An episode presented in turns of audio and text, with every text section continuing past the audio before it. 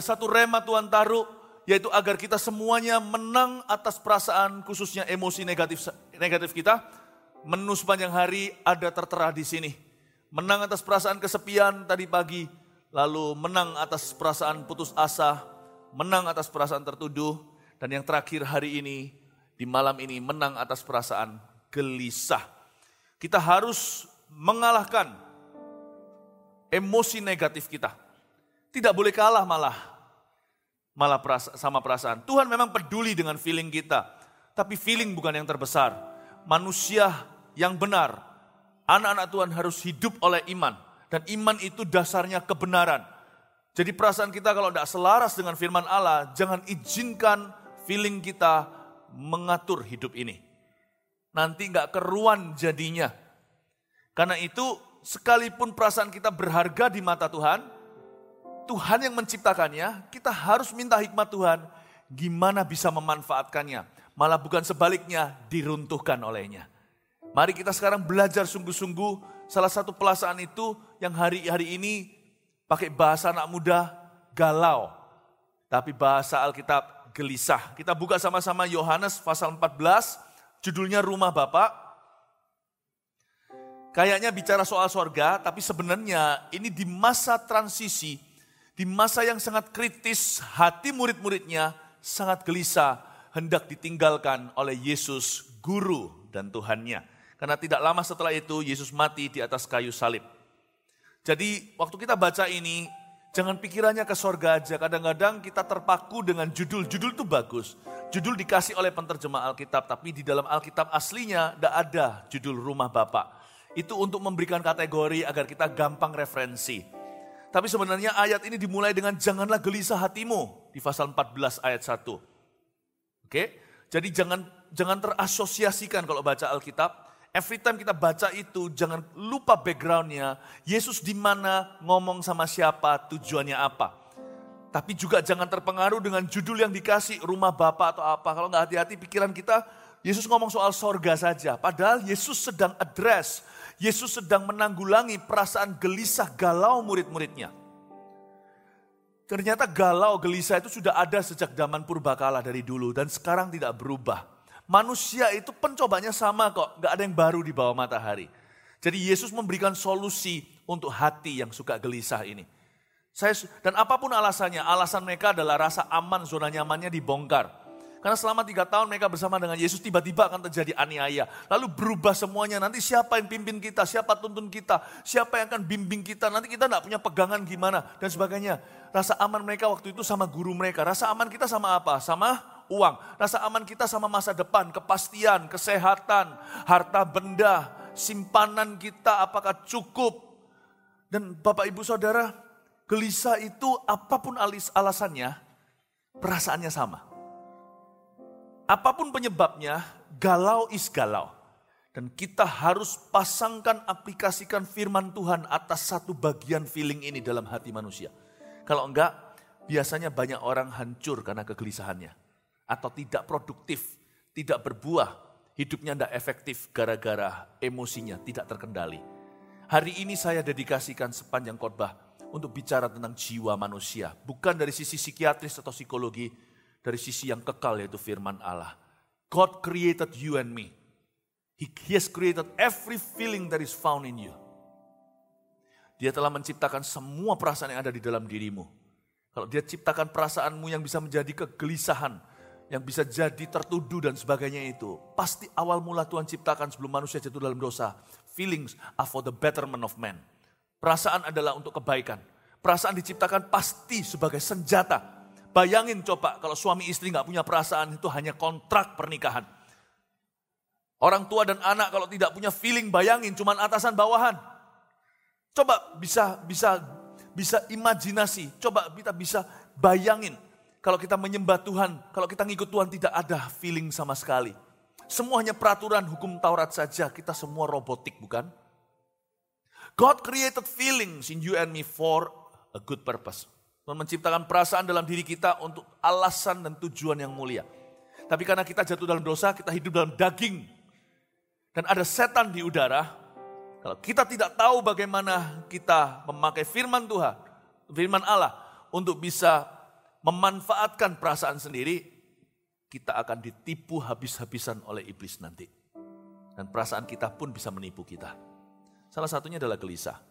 Coba kita lihat ayat 1 sampai ayat 7, kita baca dulu lalu saya jelaskan ayat per ayat. Janganlah gelisah hatimu, percayalah kepada Allah, percayalah juga kepadaku. Di rumah Bapakku banyak tempat tinggal, jika tidak demikian tentu aku mengatakannya kepadamu. Sebab aku pergi ke situ untuk menyediakan tempat bagimu. Dan apabila aku telah pergi ke situ dan telah menyediakan tempat bagimu, aku akan datang kembali dan membawa kamu ke tempatku, supaya di tempat di tempat di mana aku berada, kamu pun berada. Dan ke mana aku pergi, kamu tahu jalan ke situ. Kata Thomas kepadanya, Tuhan kami tidak tahu ke mana engkau pergi. Jadi bagaimana kami tahu jalan ke situ? Kata Yesus kepadanya, akulah jalan dan kebenaran dan hidup. Tidak ada seorang pun yang datang kepada Bapak kalau tidak melalui aku. Sekiranya kamu mengenal aku, pasti kamu juga mengenal Bapakku. Sekarang ini kamu telah mengenal dia dan kamu telah melihat dia. Katakan amin. Yesus pertama-tama langsung tidak babi bu. Tidak basa-basi berkata, jangan gelisah hati. Itu sebuah perintah. Jangan galau. Kegelisahan yang dimaksudkan Yesus yang sedang ditemukan dalam diri murid-muridnya saat itu adalah kegelisahan yang sangat rumit. Kegelisahan itu saya bisa definisikan begini. Ketakutan dan kekhawatiran yang dicampur dengan kebingungan dan ketidakpastian. Nah itu jadi gelisah. Coba dijus jadi satu. Brrr, jadi gelisahan. Ketakutan, pasti orang gelisah itu pasti takut sesuatu. Pasti takut sesuatu. Jadi Roh Kudus tidak akan menciptakan tidak akan mencipta kegelis, tidak akan mencipta gelisah. Roh Kudus tidak akan menciptakan ketakutan. Jadi kalau hati orang itu gelisah, akarnya sudah jelas, pasti ada semacam ketakutan dalam dirinya. Ya. Bukan selalu setiap uh, maksudnya pastilah, pasti kalau badan kita mengeluarkan sinyal, pasti ada something wrong, sesuatu yang salah. Kalau kita panas 37 setengah di atas, 39 apalagi, pasti ada infeksi, hati-hati demam berdarah. Badan kita tidak berdusta. Perasaan kita adalah alarm clocknya Tuhan. Kalau kita gelisah dari something, jangan di yang ditanggulangi, jangan kegelisahan hati. Yang ditanggulangi haruslah akarnya. Cari itu selalu solusi, bukan solusi sementara. Jangan pernah cari jalan pintas, jalan keluar yang pas-pasan. Tuhan ingin agar kita dewasa. Tuhan mau kita konfrontasi apa yang menjadi musuh dalam batin kita. Jadi feeling itself is not bad. Perasaan itu nggak buruk, perasaan itu berguna. Bayangin kalau nggak ada perasaan. Kadang-kadang bisa intuisi kok. Suami istri aja tahu kok, oh oh, pasti aku mengucapkan, sering kali pria kan, kurang sensitif dan peka. Kita ngomong sesuatu, lalu kita lihat wajah istri kita, meskipun di kalayak ramai kita tahu, kita pasti mengucapkan sesuatu yang salah. Oh oh, itu intuisi. Padahal istrinya juga nggak tentu marah, nggak tentu nunjukkan muka gimana, tapi batin dengan batin kerasa. I said something wrong and I now long for yesterday. Yesterday, all my troubles seem so far away. Pasti ada something. Feeling itu luar biasa. Tuhan ciptakan sebagai radar. Tapi hikmatlah yang membangun rumah. Feeling itu pintu pertama. Tapi yang menyelesaikan pekerjaan itu harus kedewasaan. Tidak boleh kita hidup oleh perasaan, harus oleh firman. Tapi kita belajar kerjasama dengan apa yang kita rasakan. Kalau kita gelisah, there must be ketakutan. Pasti ada sesuatu yang kita takutkan. Lebih cepat, lebih baik. Sebelum komplikasi nanti di lab sama Tuhan juga nggak keluar. Di mana masalahnya. Kalau kita maksudnya bukan di lab Tuhan. Kalau kita ke lab sendiri, kita cari tahu. Biasanya kegelisahan itu jangan diulur-ulur. Nanti jadi kebiasaan dan jadi karakter. Coba perhatikan apa yang membuat Anda gelisah. Minta hikmat roh kudus. Do a soul searching job. Lakukan selidik hati Jiwaku terbuka untukmu Tuhan, selidiki nyatakan segala perkara, singkapkan semua yang terselubung, supaya ku layak di hadapanmu Tuhan. Jiwaku terbuka untukmu Tuhan, selidiki nyatakan segala perkara, singkapkan semua yang terselubung, supaya ku layak di hadapanmu Tuhan. Learn the art of solving your own problem I'm teaching you how to counsel yourself. Belajarlah seni untuk bisa menyelesaikan masalah sendiri. Apalagi masalah, apalagi masalah batin. Saya sedang mengajarkan kepada Anda bagaimana mengkonselingi diri sendiri. Bukankah roh kudus tinggal di dalam Anda penasihat ajaib itu. Jangan gelisah, itu pasti ada ketakutan. Kekhawatiran. Pasti ada sesuatu yang Anda khawatirkan. Cuman jadi galau gelisah karena kecampur dengan ketidakpastian dan kebingungan. Teman akrab kegelisahan adalah kebingungan. Biasanya orang sudah sampai titik gelisah karena dia bingung, tidak tahu mau ngapain. Dan ada ketidakpastian, jadi tidak tahu langkah berikutnya apa. Makanya itu Yesus ajarkan ini solusinya. Jangan gelisah hatimu, percayalah kepada Allah. General sekali ya, umum ya, just believe. Kalau kita tidak tahu, kalau kita gini ya, kalau kita gelisah pasti ada sesuatu yang kita takutkan dan khawatirkan. Kalau tidak ketemu nggak apa-apa, jangan paksakan diri nanti malah justru cari-cari. Solusi pertama selalu kembali ke firman. Percayalah kepada Allah dan percayalah juga kepadaku. Percayalah kepada janji-janji Tuhan. Waktu gelisah hanya satu obatnya. Firman Tuhan. Waktu hati gelisah jangan lari ke kiri kanan. Nanti jatuh ke tempat eh, jatuh ke tangan yang salah, nanti mendengar nasihat yang tidak benar. Kalau kita gelisah itu hal pertama yang harus kita pegang itu Alkitab. Ini buku bukan dikasih dalam hidup kita untuk pajangan. Ini buku adalah kotak merah palang merah kita pertama. Saya sama Alkitab gak mau jauh-jauh secara fisik buku, apalagi secara firman perkataan Tuhan dalam hati saya. Maka perkataanmu telah kutaruh dalam hatiku, supaya jangan, supaya jangan aku berdosa padamu. Taruh di hati, tapi fisiknya juga gak mau jauh.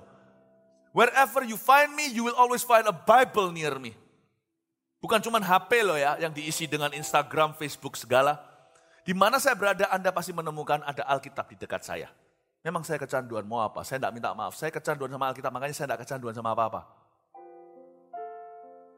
Anda tidak kecanduan sama Alkitab, makanya kecanduan dengan banyak dengan apa-apa.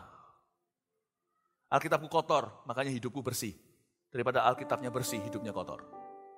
Alkitab saya banyak coret-coretan nih. Saya memang kecanduan ini. I can live without this.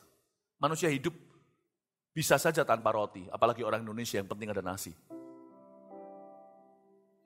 Tapi bukan hidup dari roti saja, tapi dari setiap perkataan yang keluar dari mulut Allah. Saya selalu, kalau selalu ada gelisah, saya nggak langsung lab diri sendiri cari tahu, saya langsung ke firman Allah. Karena firman ini sangat tajam, bisa memisahkan sendi dan sumsum. -sum. Dialah pisau operasi yang lebih tajam dari pisau samurai yang ribuan tahun, teknologinya dia lebih tajam daripada MRI, nggak cuma CT scan. Dia sangat tahu sendi sumsum yang membedakan karena karena dokter hanya bisa tahu fisik, psikiatris hanya tahu jiwa. Alkitab bisa uji sampai motivasi, sampai hal-hal yang kita sendiri tidak kenali kenapa kita gelisah. Jadi pertama, I will fall into the right hand and there's no better hand than the hand of Jesus. Nah, saya akan buka firman dan biarkan Tuhan bicara kepada saya. Percayalah, hal pertama, pil pertama, apa pun obat tambahannya, firman itu antibiotik utama. Saya percaya kepada Allah dulu. Dan percayalah juga kepada aku. Kenapa dibuat dua level? Belief percaya kepada Allah, lalu percaya kepada aku. Ini bukan pertentangan Allah Tritunggal. Ada dua macam percaya. Percaya kepada Allah, percaya juga kepadaku itu ada dua level. Anda tidak bisa percaya spesifik kalau Anda tidak percaya general. Kalau kita mau mau, mau ke dokter contohnya, kita mau nggak bisa langsung ke spesialis loh. Saya nggak tahu kalau di Indonesia gimana, tapi seharusnya tatanannya begini ke dokter umum dulu, dia referensi ke spesialis. Anda harus ke general practitioner dulu atau ke dokter umum, umum dulu, baru spesifik. Ya nggak bisa tiba-tiba datang ke lab seharusnya ya. Kalau mau praktek siapa tahu, harusnya sistem yang benar begini. Aku mau MRI, MRI, otakku segalanya nggak bisa, Anda harus ke dokter dulu, lalu habis itu dirujuk ke spesialis, spesialis akan minta Anda dicek apa? Bagaimana Anda bisa percaya kepada Yesus kalau Allah aja nggak percaya?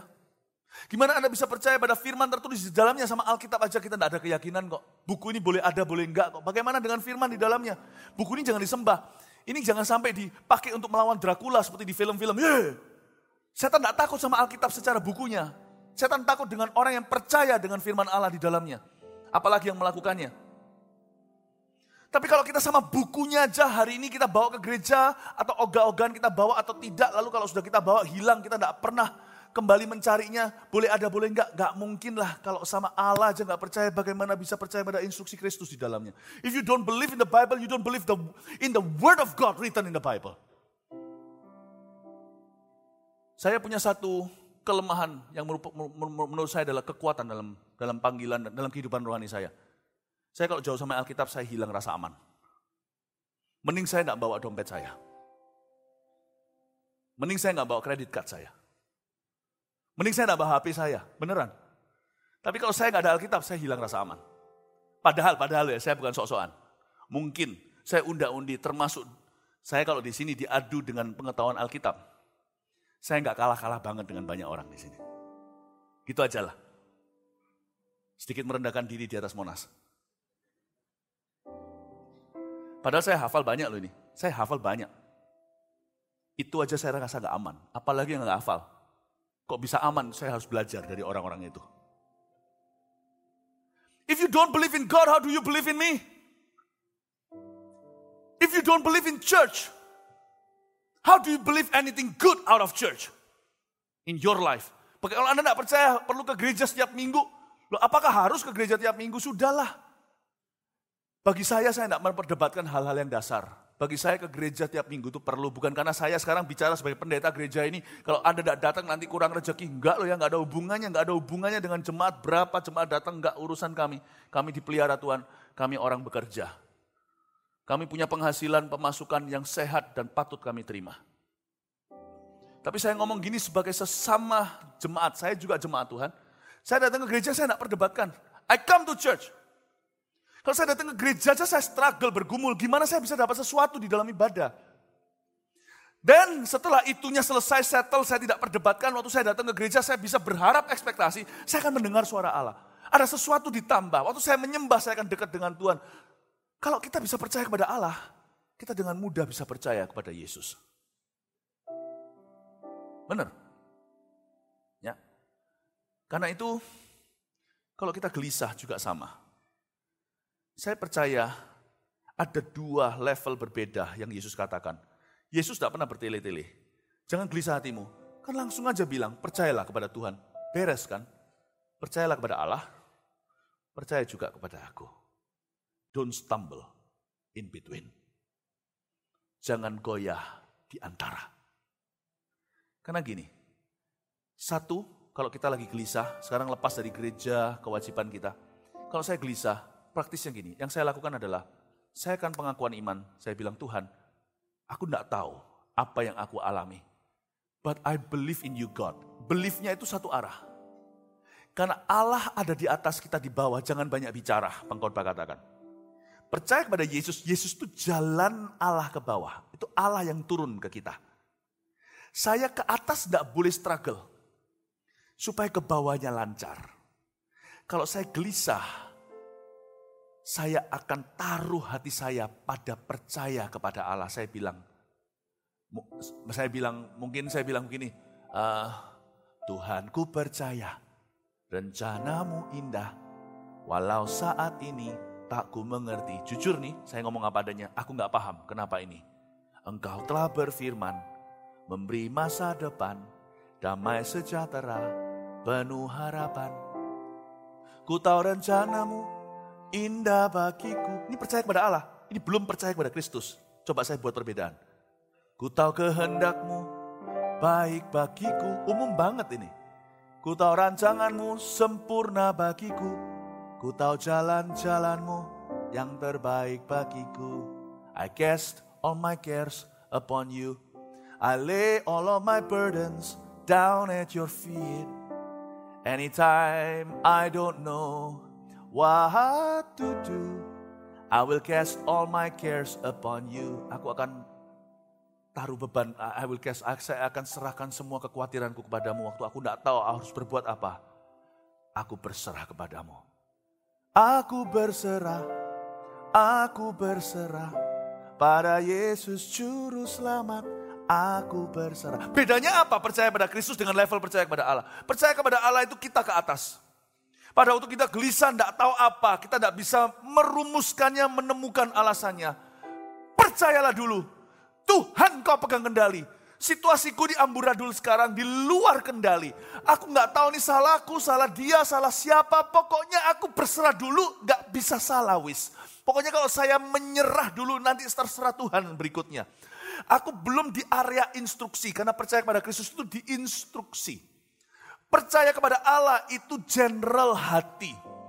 Tuhan, aku nggak mau cari kambing hitam, kalau salahku tunjukkan, kalau salah orang lain juga tunjukkan. Beri ajari aku untuk mengampuni. Kalau salahku tunjukkan supaya aku berubah dan mengampuni diri sendiri dan bisa lanjutkan kehidupan dalam ketaatan, masuk dalam perkara-perkara yang benar. Tuhan, pokoknya aku taruh dulu deh pikiranku. Aku dungu seperti hewan tapi aku tetap di dekatmu. Aku masuk hadiratmu, pokoknya aku percaya Tuhan engkau lah yang punya kebun anggur. Yesuslah pokok, pokok anggurnya, akulah carang-carangnya. Yohanes 15, aku percaya dulu Tuhan pegang kendali. Ku tahu rencanamu indah bagiku. Pokoknya, pokoknya. Ku tahu kehendakmu baik bagiku. Kegelisahan itu harus dilawan dulu karena kita tahu akarnya itu ketakutan, kekhawatiran, dicampur kebingungan dan ketidakpastian. Makanya harus dilawan dengan apa? Dengan keberanian menghampiri tahta Tuhan. Kekhawatiran harus dilawan dengan iman Ya kan? Ketidakpastian harus dilawan dengan sesuatu yang pasti sekalipun Anda belum pasti alasannya apa. Tapi firman Allah pasti. Apa pun alasannya firman tidak bisa berubah. Lawan dengan kepastian, kebingungan dilawan dengan kejelasan apa kata Tuhan. Nanti ngomong lagi apa yang Tuhan perlu jelaskan kemudian. Apa yang menjadi alasan sesungguhnya saya gelisah. Pokoknya sekarang, ku tahu rencanamu indah bagiku. Ku tahu kehendakmu baik bagiku. Jadi kalau aku gelisah pasti ada alasannya. Kuserahkan dulu padamu sekarang. Ku tahu rancanganmu sempurna bagiku. Ku tahu kehendakmu yang terbaik bagiku. Dan hatinya sudah siap kan? Dibawa masuk ke alam instruksi. Percayalah kepadaku itu Yesus sebagai guru. Itu dua arah sudah. Dibutuhkan hati berserah dulu untuk bisa terima instruksi selanjutnya. Karena waktu masuk ke alam percaya kepada aku, kata Yesus percaya kepada Kristus, di situ Anda akan terima perintah, instruksi, hikmat-hikmatnya. Di situ akan dibutuhkan bukan cuma percaya, tapi ketaatan juga. Bapak ibu saudara, gelisah itu jangan dilawan spesifik lawan spesifik. Gelisah itu sudah terlalu dalam makanya galau hatinya. Masuklah dulu lewat pintu gerbang, jangan tergesa-gesa untuk menanggulangi. Percaya serahkan hati dulu, baru detil lawan detil nanti apple to apple. Tuhan akan bicara. Makanya Yesus berkata, kamu percaya dulu kepada Allah. Percayalah juga kepadaku. Sebab aku gurumu, aku akan tuntun padamu. Saya punya prinsip hidup sederhana. Every day Jesus will give me new instructions. Saya tidak pernah khawatir saya nggak mau gelisah lebih dari 24 jam, karena besok pagi Tuhan akan kasih saya instruksi yang baru dan segar. Hati saya harus jaga dengan segala waspada, agar nanti di hati kecil saya Tuhan bisa memberi instruksi apa saja. Tugas saya hati besarnya saya jaga. Nanti Tuhan akan bicara di sela-selanya. Di situlah mengalir kehidupan. Saya harap Anda mengerti ini bisa diterapkan berbagai layer beberapa beberapa beberapa sub. Bisa juga kita terapkan gimana kita bisa percaya firman Tuhan di dalamnya kalau Alkitab ogah-ogahan. Kalau bukunya aja kita tidak respect. Boleh hilang, boleh enggak. Percaya dulu kepada Allah. Percayalah kepadaku. Percayalah kepada Allah. Lalu percayalah kepadaku. Hati juga sama. Utuh dulu Aku percaya kepadamu sekalipun aku tidak tahu. Aku siap dikoreksi. Aku siap dibentuk gak apa-apa. Pokoknya aku percaya engkau pegang kendali. Tiba-tiba Tuhan mulai bicara. Hei Philip, kamu perlu mengampuni. Hei, bukan salahmu. Tapi waspada supaya jangan sampai kamu jatuh. Akan ada instruksi yang baru. Amin Bapak Ibu. Gelisah nggak tentu pergi dalam satu hari. Tapi kalau Anda serahkan hati, besok mulai saat itu hingga besok dan hari-hari kemudian akan ada instruksi yang membuatmu bukan cuma keluar dari kegelisahan dan apa menjadi alasan kenapa Anda galau. Anda akan mengalami kemenangan dan breakthrough dan terobosan di dalam dirimu. Anda akan mengalami kemenangan benar. Kita lihat sekarang ayat 2, di rumah Bapakku banyak tempat tinggal. Jika tidak demikian tentu aku mengatakannya kepadamu. Ha, tahan sebentar. Jika tidak demikian tentu aku mengatakannya kepadamu. Jangan difokuskan ke rumah bapaknya aja. Kita semua memang tergesa-gesa masuk sorga. Jika tidak demikian tentu aku mengatakan kepadamu. Yesus berkata tentang sorga kan. Di rumah bapakku ada banyak tembal. Banyak tempat tinggal. Jika nggak demikian aku pasti sudah mengatakannya kepadamu. Kalau mau ikut Yesus itu jangan cuma perhatikan perkataannya, perhatikan apa yang dia tidak katakan. Gelisah itu biasanya di area abu-abu yang what God doesn't say. Jika tidak demikian, aku pasti mengatakannya kepadamu. Perhatikan yang Tuhan tidak katakan. Kenapa Filipus dan semua murid-murid ini, ya, di dalam kitab Yohanes pasal 14 ini ada murid-murid beberapa yang mendengarkan Yesus. Mengapa mereka gelisah? Mereka gelisah karena mereka tidak yakin akan hidup kekal. Mereka gelisah karena mereka mengira tidak ada tempat tinggal di rumah Bapak. Yesus ngomong sama mereka, aku pernah ngomongkah sama kamu kalau tidak ada sorga? Aku pernah ngomongkah kepadamu nanti hidupmu tidak karuan? Aku pernah ngomongkah sama kamu nanti kamu akan gagal total? Aku pernah ngomongkah sama kamu kamu akan jadi yatim piatu? Be careful to pay attention to what I never say. Jika tidak demikian, tentu aku sudah mengatakannya kepadamu. Tuhan tidak pernah mengatakan pada murid-muridnya bahwa tidak ada rumah, tempat tinggal di rumah Bapak. Mereka ada krisis luar biasa tentang hidup kekal. Mereka punya krisis iman yang luar biasa tentang masa depan. Dan Tuhan berkata, Have I told you that you have no future? Bukankah setan yang membisikkan itu ke telingamu? Kamu gelisah karena kamu percaya suara bisikan yang tidak pernah aku katakan. Setan berbicara, kamu tidak ada masa depan. Kamu akan gagal, kamu akan sendirian. Tuanmu ini, gurumu ini akan meninggalkanmu. Kamu tidak akan punya hidup kekal. Kamu payah sekali. Besok nanti setelah mati, kamu tidak ada kepastian ke mana dan sebagainya. Did I ever say any of those things to you? Never. Why did you believe any of them? Pernahkah aku mengatakan semua itu kepadamu? Mana pun salah satu, tidak pernah. Kenapa kau percayai perkataan itu? Gelisah terletak pada perkataanmu sendiri dan mendengarkan suara setan yang Tuhan tidak pernah katakan itu benar. Ah, kita gelisah, nanti gimana kalau sumpamanya begini? Nanti kalau aku sakit kena kanker gimana? Nanti kalau seumpamanya pekerjaanku tidak berhasil gimana? Gimana kalau aku tidak punya jodoh? Gimana kalau Tuhan asertai aku? Gimana nanti kalau aku jatuh? Tuhan akan berkata, pernahkah aku mengucapkan hal-hal itu kepadamu? Jika tidak, aku tentu mengatakannya kepadamu. Hati-hati dengan apa yang tidak dia katakan. Jangan obok-obok di area abu-abu itu. Karena itu adalah gamenya setan. Kadang-kadang perempuan juga sama, kompleks perasaannya. Padahal wanita itu perasaannya senjata, tapi juga bisa dipermainkan di area itu. Karena itu saya selalu sarankan laki-laki yang punya istri di sini untuk dengarkan istrinya. Saya sarankan, saya selalu dorong suami dan istri dua-dua sama-sama bertumbuh dalam Tuhan supaya jadi pasangan sepadan. Itu bukan pernikahan dalam bisnis, dalam pekerjaan supaya jadi spion kiri, spion kanan. Di, di, di, tapi saya beritahu ya kepada suami-suami selalu belajar percaya instingnya istrinya. Most of the time saya tidak bisa membuat ini absolut karena tetap ada perkecualian. Namun demikian benar secara fakta di lapangan hampir selalu istri kita benar kalau merasa sesuatu.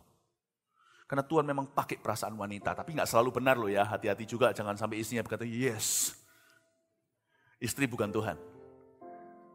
Andai kata Pilatus mendengarkan istrinya, dia tidak akan melakukan dosa kekal itu. Menyerahkan Yesus. Oke? Istri ya.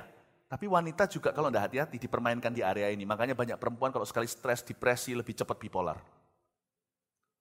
Let me tell you. Women, yang perempuan, yang wanita, dengarkan firman Tuhan. Dalam hal Anda menjaga hati dan perasaan, be careful to pay attention what to, what others don't say to you. Belajar untuk memahami, mengerti, memperhatikan apa yang orang tidak katakan. Contohnya suami berkata, Mama, ayo ma olahraga. Papa bilang mama gemuk ya? Loh, kapan papa bilang mama gemuk? Something happens to your ear, ladies. You have an extra set of ear, Anda punya extra kuping di, di, di, di, di dekat telinga Anda? Kenapa kalau orang bilang ah, Anda mengucapkan apa yang dia tidak katakan? Karena itu laki-laki harus hati-hati dengan kata-kata. Ya kan? Hati-hati. Kadang-kadang kita latah orang Indonesia apalagi, kita kurang peka. Setiap kali ketemu mesti komentar berat badan. Oh, cik gemuan ya. Saya pernah khotbah kan di sini kan supaya lebih objektif kalau memang itu hobi Anda ketemu selalu komentar berat tubuh, bawa timbangan lain kali. Suruh timbang dulu, Anda tulis rekod, terakhir ketemu dia berapa kilo, kalau memang naik baru Anda berkata gemuan, enggak, jangan cuma asumsi. Tapi bagi wanita kasihan, Anda juga cuek-cuek aja, dia bilang gemuan bukan berarti Anda gemuk. Kalau mau jaga hati itu harus hati-hati dengan apa yang orang lain tidak katakan. Ini sering kali kesalahan yang kita buat. Hoax itu bukan berita di sosial media. Hoax itu terjadi di dalam kepala. Gelisah lahir dari apa yang Tuhan tidak katakan. Di situ yang Anda rekayasa, Anda kerasa-kerasaan. Di area di mana Anda bisa dipermainkan oleh setan, area abu-abu karena Anda tidak pegang teguh dengan firman yang Tuhan katakan. Don't play with what Jesus don't say. Jangan main-main dengan apa yang Yesus tidak katakan. Makanya yang pertama kena adalah telinga wanita sebelum lidah pria. Hawa dibisikin dulu sebelum Adam makan buah terlarang. Bukankah Tuhan berkata kepadamu, jangan makan ini. Sebab kalau kamu makan ini, kamu menjadi seperti dia. Coba Anda perhatikan dengan yang Tuhan katakan di kejadian ini dengan yang setan katakan. Mirip, cuman setan bermain di area yang Tuhan tidak ngomong. Tapi mirip dengan yang Tuhan ngomong. Yesus tegur kegelisahan muridnya. Jika tidak tentu aku sudah mengatakannya kepadamu. Hei, seperti ditampar oleh tangan yang tidak kelihatan. Murid-muridnya itu disadarkan, bangun. Bedakan yang Tuhan pernah ngomong dan Tuhan tidak pernah ngomong. Kalau Anda tidak bisa bedakan ini, forever gelisah. Kalau Anda keluar dari kegelisahan sementara, sangat mudah terjerumus kembali ke lubang yang sama itu, gelisah lagi. Anda akan langganan gelisah jadi frequent flyer. Nanti setan akan memberi Anda buy one get one free. Setiap keluar dari gelisah dikasih satu lagi yang free dari dia. Jaga, miliki disiplin yang tinggi, pasang kuping rohani. Jesus never says this to me. I don't have to believe this. Yesus tidak pernah ngomong ini sama saya. Aku tidak harus percaya. Di rumah Bapakku ada banyak tempat tinggal. Kalau tidak kan aku sudah mengatakannya kepadamu. Kenapa hatimu khawatir kalau nanti tidak ada tempat tinggal di rumah Bapak? Kenapa kamu diam-diam meragukan ada hidup kekal? Kenapa kamu meragukan kalau Tuhan bisa tuntun kamu dalam kemenangan dan memberimu masa depan penuh pengharapan? Bukankah aku pernah berfirman, bukan rancangan kecelakaan, tapi memberimu masa kini yang damai, damai sejahtera dan rancangan penuh harapan? Tuhan kalau tegur kita ya, mati kita. Kita diginikan ya, have I ever said that to you? Saya pernah ngomong itu sama kamu. Saya pernah, Tuhan pernah ngomong itu sama kamu. Tuhan pernah. Kita jawabannya, enggak pernah, enggak pernah. Lalu kenapa? Kamu gelisah-gelisah sendiri, kasihan-kasihan sendiri, bentur-bentur kepala di dinding sendiri. Itukah kehidupan yang telah kujanjikan kepadamu? Dipermainkan setan dan perasaanmu? Gelisah itu akan minim, minim. Gelisah akan jadi senjata. Perasaan kita akan jadi radar kalau kita kendalikan di posisi yang tepat dalam hidup kita. Amin Bapak Ibu Saudara, waktu saya baca ini saya ngerti, oh iya iya iya iya. Di rumah Bapakku banyak tempat tinggal, jika tidak demikian, tentu aku mengatakannya kepadamu. Yesus sindir mereka, pernahkah aku mengatakan yang kau khawatirkan itu? Enggak pernah kan? Kenapa kamu worry? Kenapa kamu khawatir? Enggak menambah sahasta lo ya. Jadi hari ini kita tidak belajar sesuatu baru. Kita menanggalkan apa yang kita percaya selama ini namun tak teruji. Christianity is not learning new things, unlearning the things unnecessary for you to know and believe. Kekristenan bukanlah belajar sesuatu yang baru, tapi melucuti semua yang selama ini kau percayai, namun sama sekali Tuhan tidak pernah mengatakannya. Meskipun kedengarannya seperti firman Allah. Firman tidak pernah berkata demikian. Amin Bapak Ibu Saudara. Berapa banyak yang kita khawatirkan? Sama sekali Tuhan tidak pernah katakan di kehidupan kita. Ya, karena itu Bapak Ibu kita harus percaya Tuhan pegang kendali, percayalah kepada Allah. Tidak nambah sahasra kok, Anda tidak bisa jaga hidup Anda. Kalau Anda, tugas Anda hanyalah mentaati firmannya. Kita lihat lagi sebab aku pergi ke situ untuk menyediakan tempat bagimu.